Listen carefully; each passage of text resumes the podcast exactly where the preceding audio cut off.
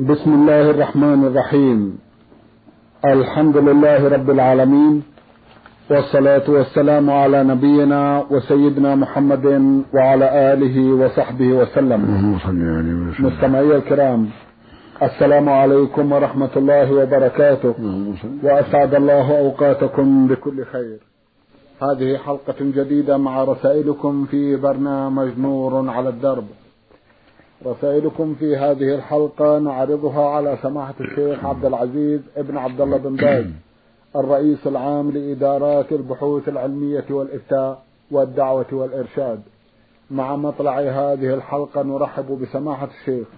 ونشكر له تفضله بإجابة السادة المستمعين فأهلا وسهلا بالشيخ عبد العزيز. حياكم الله وبارك حياكم الله. أولى رسائل هذه الحلقة رسالة وصلت إلى البرنامج من المستمع عين ميم السعدون. يقول حدثونا عن زكاة الأسهم. كيف تكون الزكاة فيها؟ هل يزكى الربح مع رأس المال أم الربح وحده ورأس المال وحده؟ وهل تجب الزكاة من حين الاكتتاب أم عند رأس الحول؟ وجهونا جزاكم الله خيرا. بسم الله الرحمن الرحيم. الحمد لله وصلى الله وسلم على رسول الله وعلى آله وأصحابه من اهتدى بهداه. أما بعد فشركات فشركة مساهمة فيها تفصيل. إن كانت السهام للبيع وطلب الربح فهذه تزكى إذا حال الحول على أصلها. كل ما حال الحول تعرف قيمة السهام من أراضي أو سيارات أو عمارات أو غير ذلك. كل ما حال الحول على أصل المال الذي جعل في السهام تزكى بعد معرفة القيمة لهذه الأرض أو لهذه السيارات أو لهذه العمارات أو ما أشبه ذلك. تزكى مع ربحها. فإذا كان السهم اشتراه بعشرة آلاف وعندما حال الحول صار يساوي عشرين ألفا يزكي عشرين ألفا. والعكس كذلك لو اشتراه بعشرة ولكن عند الحول نقص وصار يساوي ثمانية أو سبعة فإنه يزكي القيمة الناقصة. فالعبرة في الزكاة بقيمة المبيع يعني السهم حين تمام الحول. أما إن كانت السهام لا إنما هي للاستثمار نعم. والبقاء وليست للبيع كأن يساهم في أرض ليعمر فيها سكن أو يؤجرها. ولا ولا أراد البيع ولكن أرادوا بهذه الأرض أن يعمروها ويجعلوها مساكن لأنفسهم أو يؤجروها هذه ليس فيها زكاة. إنما الزكاة في فيما يحصل لهم من الأجور. إذا حصل لهم أجور وحال عليها الحول تزكى الأجور. أما رقبة الأرض فلا زكاة فيها. وهكذا لو كانت المساهمة في عماير لم يقصدوا بيعها وإنما ساهموا ليؤجروا فالزكاة في الأجار إذا حال عليه الحول. وهكذا بالسيارات إذا ساهموا في سيارات ليستعملوها تكاسي أو ليؤجروها صفة خاصة على من يستعملها فالزكاة في الأجرة إذا حال عليها الحول نعم. جزاكم الله خيرا. إذا كان السهم نفسه عرضة للبيع والشراء سماحة الشيخ فكيف يزكى؟ حسب النية. حسب النية. إن كان نية البيع يزكيها زكاة العروض تكون عروض تجارة. أيوة. وإن كان حين المساهم ما نوى البيع إنما نوى الاستثمار لهذا السهم. نعم. فلا فلا يزكى إلا الثمرة. إلا الأجرة يعني. بارك الله فيكم. المستمع عبد الرحمن علي شلبي. عبد الرحمن علي شلبي بعث يسأل ويقول بعض الجهات تستثمر أموالها في الفضة والدولار بحيث تشتري الدولار بالريال الفضة وقد تبيع الفضة بالدولار وهذه العملية عملية قيدية لا غير بحيث لا يرى البائع أو المشتري شيئا من النقد. سواء كان من الفضة أو من الدولارات. ولا يتم التقابض بين الطرفين فما مدى صحة هذا النوع من التعامل. إذا كان هذا التعامل ليس فيه قبض فلا يصح التعامل. فإن المعاملات بالنقود لا بد فيها من القبض سواء كان بالدولار أو بالريال السعودي أو بالدينار أو بالجنيه الاسترليني أو المصري أو غير ذلك. فلا بد أن يكون هناك تقابض ولو بالقيد. إذا كان عند الشخص له دنانير أو دولارات فباعها على زيد أو عمرو بالقيد أو بالهاتف. قال هذه الدنانير التي عندك أو الدولارات التي عندك وهي كذا وكذا قد بعتها عليك بكذا وكذا. فاقبض. فقبض من نفسه. صار وكيلا قبض من نفسه هذا المال. فلا بأس. أما إذا كان ما جرى قبض فإنه لا يصح. لأن الرسول صلى الله عليه وسلم لأن الرسول عليه الصلاة والسلام قال يدا بيد. الذهب بالذهب والفضة بالفضة والبر بالبر إلى آخره يدا بيد مثلا مثل سواء بسواء. ثم قال فإذا اختلفت هذه الأصناف فبيعوا كيف شئتم إذا كان يدا بيد. فالدولار بالجنيه الاسترليني يدا بيد.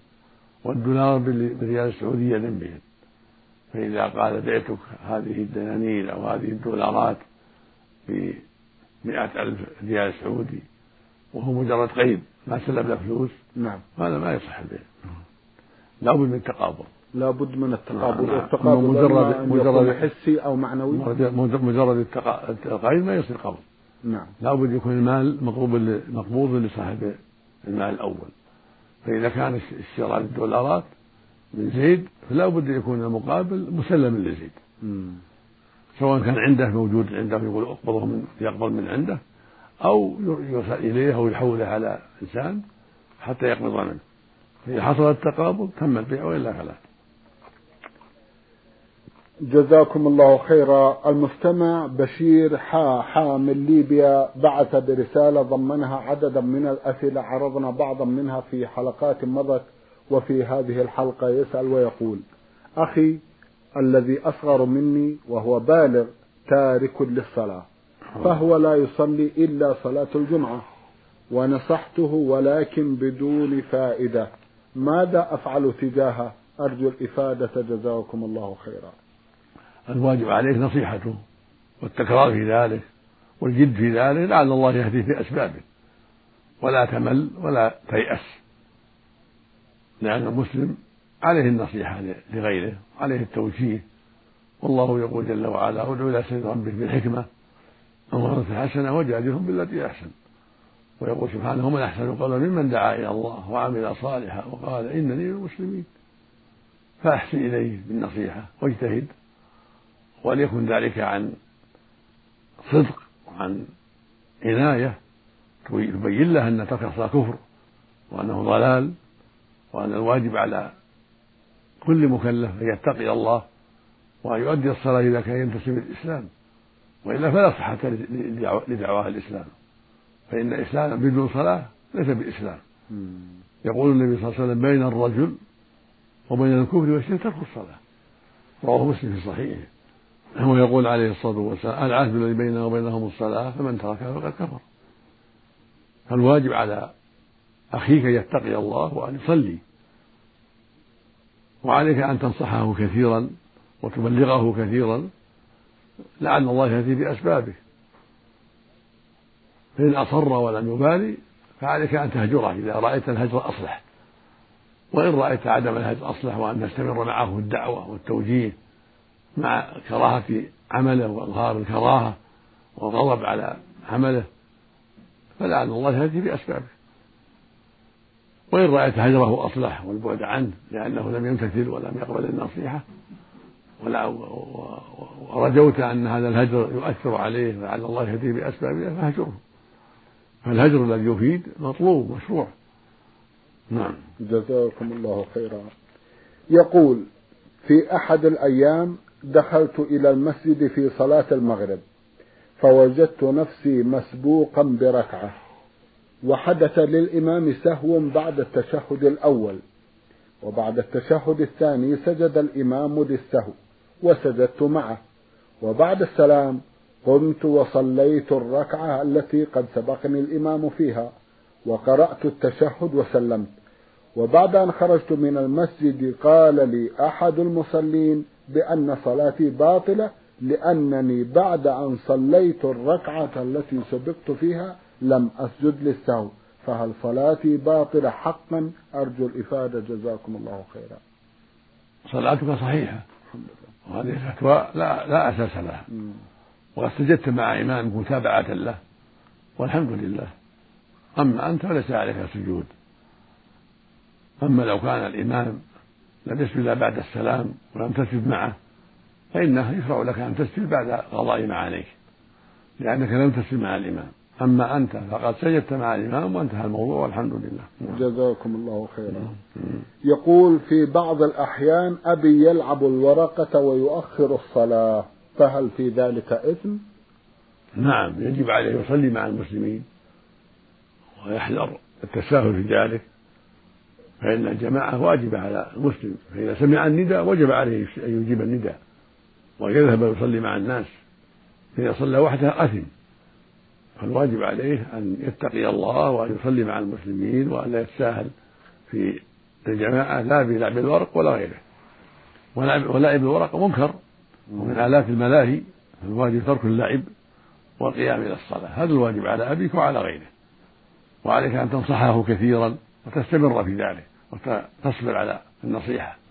لعل الله يهدي بأسبابك اللهم آمين. نعم. جزاكم الله خيرا. آخر سؤال له يقول إذا دخلت المسجد والمؤذن يؤذن فهل أشرع في تحية المسجد أم أتابع المؤذن حتى ينتهي ثم أصلي؟ وإذا كنت أقرأ القرآن والمؤذن يؤذن هل أقف عن القراءة لأتابع المؤذن أم كيف؟ جزاكم الله خيرا. نعم نعم. الأفضل لك أن تتابع المؤذن. إن كنت تقرأ تمسك. وإن كنت دخلت والمؤذن يؤذن تقف حتى تكمل الإجابة ثم تصلي. تجمع بين المصلحتين. طيب. لقول النبي صلى الله عليه وسلم إذا سمعتم المؤذن فقولوا مثل ما يقول. متفق على صحته فالنبي صلى الله عليه وسلم حين قال إذا سمعتم المؤذن فقولوا مثل ما يقول. يعم القارئ ويعم غير القارئ.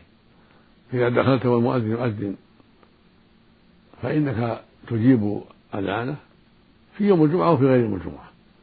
تجيب الأذان ثم تصلي ركعتين ثم تنصت الخطيب إن كان في يوم الجمعة. فالحاصل أنك إذا دخلت المسجد والمؤذن يؤذن فالمشروع لك أن تجيب المؤذن ثم تصلي تحية المسجد. وهكذا إذا كنت قارئ تقرأ القرآن أو تحدث مع غيرك تمسك حتى تجيب المؤذن ثم تعود إلى القراءة أو الحديث مع غيره عملا بقول النبي صلى الله عليه وسلم إذا سمعت المؤذن فقولوا مثل ما يقول. ثم صلوا علي فإن من صلى عليه صلى الله عليه بعشرة ثم سأل الله الوسيلة فإنه منزلة من الجنة. لا تنبغي إلا لعبد من عباد الله وأرجو أن أكون أنا هو. فمن سأل الوسيلة حلت له الشفاعة. هذا عمل عظيم وفائدة كبيرة.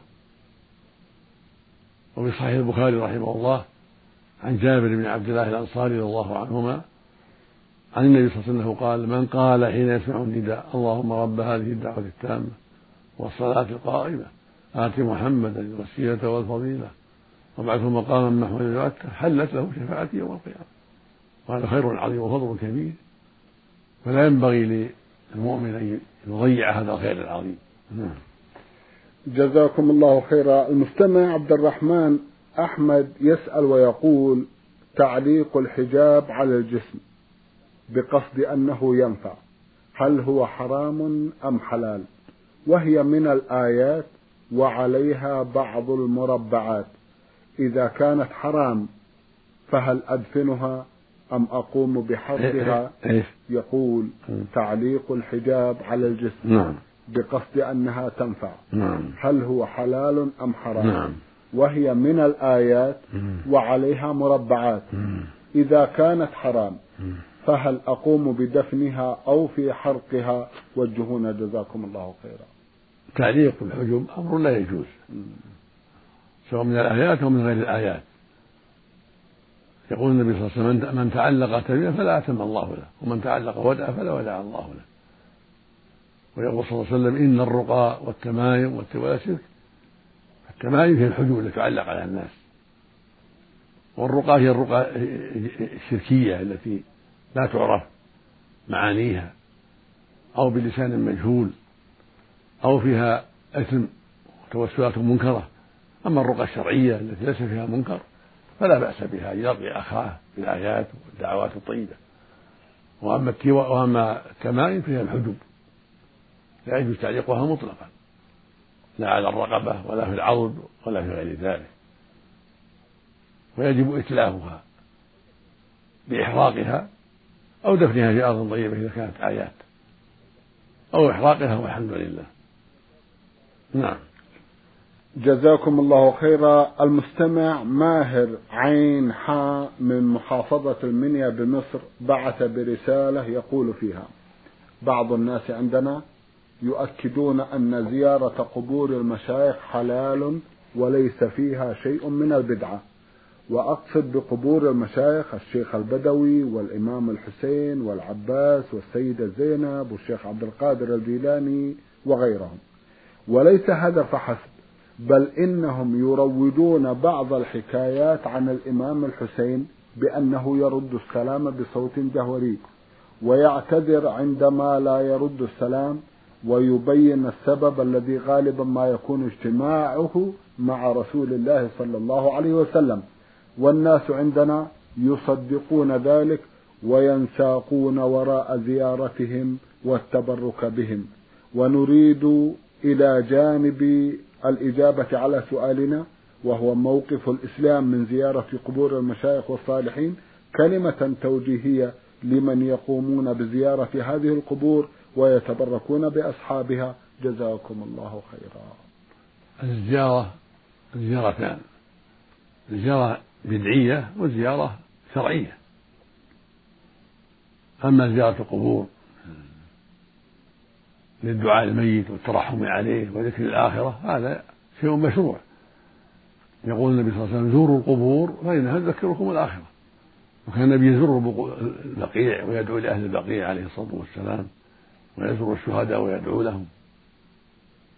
فزيارة المشايخ من العلماء والأخيار أو عم المسلمين زيارة القبور للدعاء لهم والترحم عليهم وذكر وذكر الآخرة. أمر مشروع لأن الإنسان إذا زار القبور يتذكر الموت يتذكر الآخرة يحصل بذلك إعداد للآخرة ونشاطه في الخير والعمل الصالح. ولا فرق في ذلك بين زيارة قبور العلماء أو عامة الناس. فإذا زار قبر الحسين أو قبر البدوي أو قبر ست زينب أو غير ذلك للذكرى ذكر الآخرة والدعاء لهم والترحم عليهم هذا من الزيارة الشرعية.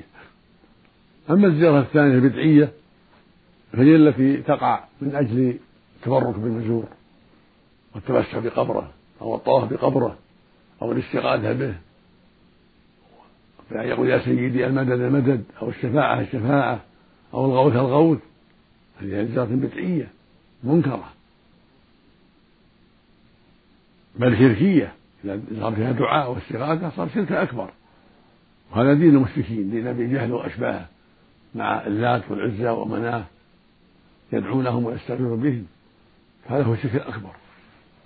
الذي يزور الحسين اللي يدعوها مع الله يستغيث به اللي ينذر له ليطلبه المدد أو البدوي أو العباس أو زينب أو غير ذلك. هذا كله شرك أكبر. والذي يسمع يسمع يسمع من الصوت ليس صوت الحسين ولا صوت البدوي ولا غيره ولكنهم الشياطين يدعونهم إلى الغلو في هؤلاء فيسمعون أصوات من الشياطين الذين يدعون إلى الشر شياطين الجن التي تدعو إلى الشرك بالله وعبادة غير الله.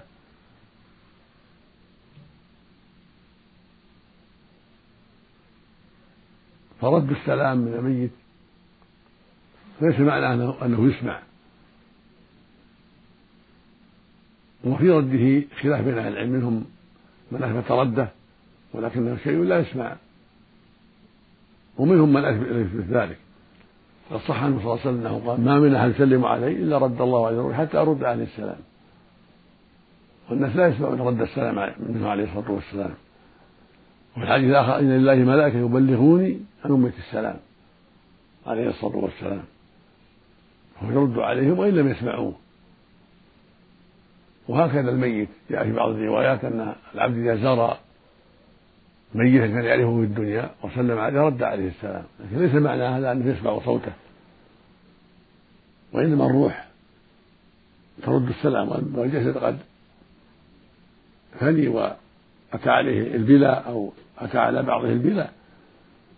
إنما هي الأرواح.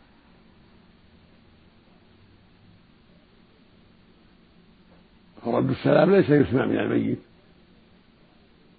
ورد السلام أيضا لا يوجب دعاء والاستغاثة به. فإذا رد السلام أو ما رد السلام هذا لا يتعلق به حكم شرعي. وإنما الحكم يتعلق بدعائك الميت والاستغاثة بالميت. هذا شرك أكبر. أو طلبه المدد أو العون أو الشفاعة. هذا من الشرك الأكبر. حتى ولو رد السلام. حتى لو قدرنا أنك سمعت رد السلام. لا يجوز لك أن تدعوه من دون الله ولا أن تستغيث به ولا أن تنذر له ولا أن تطلبه المدد والعون. كل هذا عبادة لغير الله. من الأموات أو من الأصنام أو الأشجار أو الأحجار كل هذا لا يجوز. وهذا هو عمل المشركين الأولين. فالواجب الحذر من ذلك. وهكذا التبرك بالقبور بترابها وأحجارها وشبكها لا يجوز. وإذا أراد بهذا طلب البركة منهم وأنهم يعطونه بركة يمدونه بالبركة صار هذا نوع من عبادته من دون الله. ونوع من طلب البركة بالفعل فلا يجوز ذلك. وإنما الزيارة لذكر الآخرة والترحم على الميت. كما قال النبي صلى الله زوروا القبور فإنها تذكركم الآخرة. فالمؤمن يزورها ليتذكر الآخرة وليدعو لهم هو في حاجة للدعاء يدعو لهم يترحم عليهم يسأل لهم المغفرة والرحمة والعفو. هكذا الزيارة الشرعية.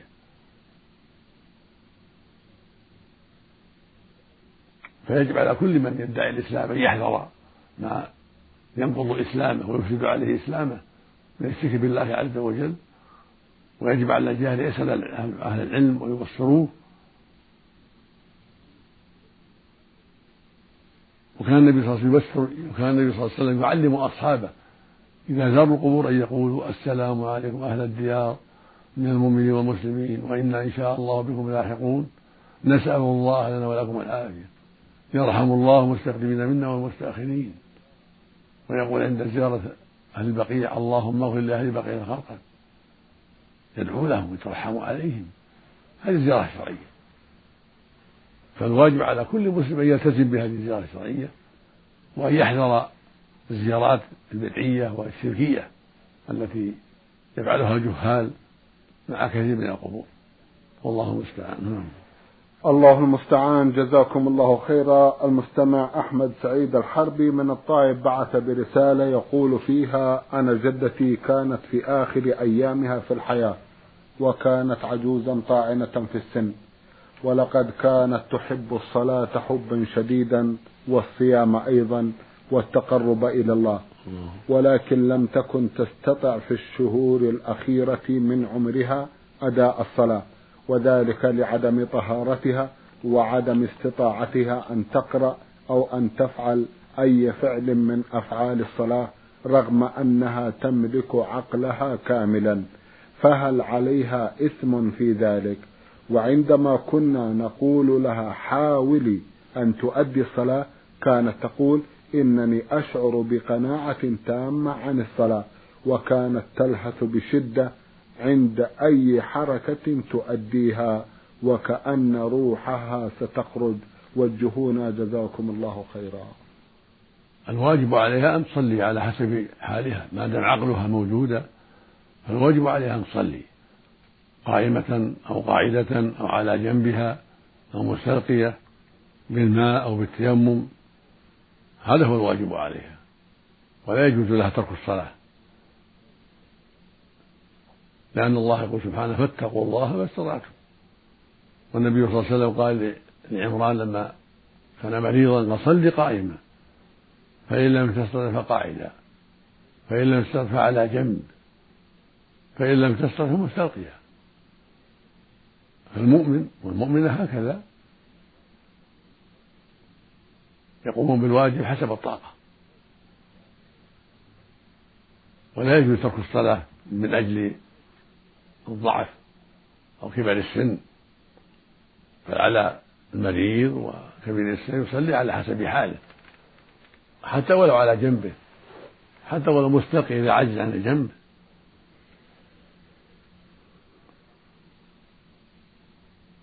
يقرأ ويكبر ثم الله أكبر ناوي الصلاة ثم يقرأ الفاتحة ثم تيسر معاه ثم يكبر ناوي الركوع يقول سبحان ربي العظيم. ثم يقول سمع الله ناوي الرفع ربنا ولك الحمد إلى آخره.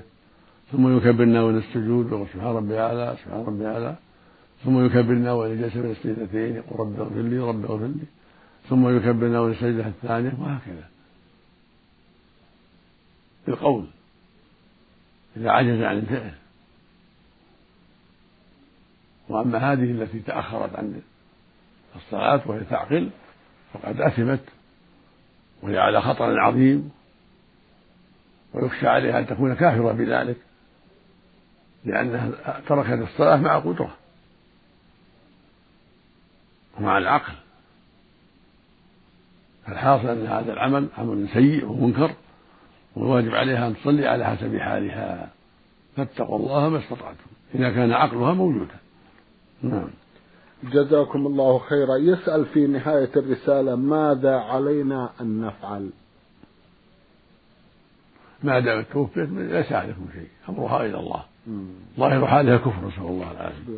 لأنها ضيعت الصلوات من أجل جهلها. والله جل وعلا يتولى أمرها سبحانه. ما دام تركت الصلاة وهي عاقلة لا تدعوا لها ولا تصدقوا عنها. لأنها تركت الصلاة وهي عاقلة كما ذكرتم. وترك الصلاة مع العقل ومع التكليف كفر أكبر. على أصح قولي العلماء. يقول النبي صلى الله عليه وسلم بين الرجل وبين الكفر والشرك ترك الصلاة. ولقوله صلى الله عليه وسلم العهد الذي بيننا وبينهم الصلاة فمن تركها فقد كفر. نسأل الله العافية. جزاكم الله خيرا. رسالة وصلت إلى البرنامج من المستمع ميم عين الجعفري من اليمن. يقول في رسالته هل يصح لزوجة عمي والد زوجتي؟ وهي ليست والدة زوجتي بل زوجة أبيها. هل يصح لها أن تجلس وتتحدث معي وهي كاشفة الوجه أم لا؟ أرجو الإفادة. جزاكم الله الله يقول نعم. هل يصح لزوجة عمي والد زوجتي؟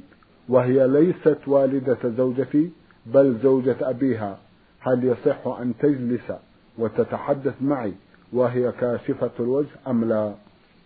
ليست محرما لك ليس لها ذلك. ليس لك أن تخلو بها وليس لها أن تكشف لك لأنها ليست محرما لك. المحرم أم الزوجة وجدتها. أما زوجة أبيها فليست محرما لك.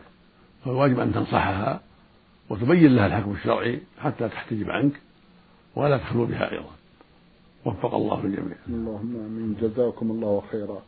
يقول اعتدت بعد أن أصلي النوافل أن أصلي ركعتين وأقول بأن ثوابهما لوالدي المتوفين فهل يصح هذا أم لا؟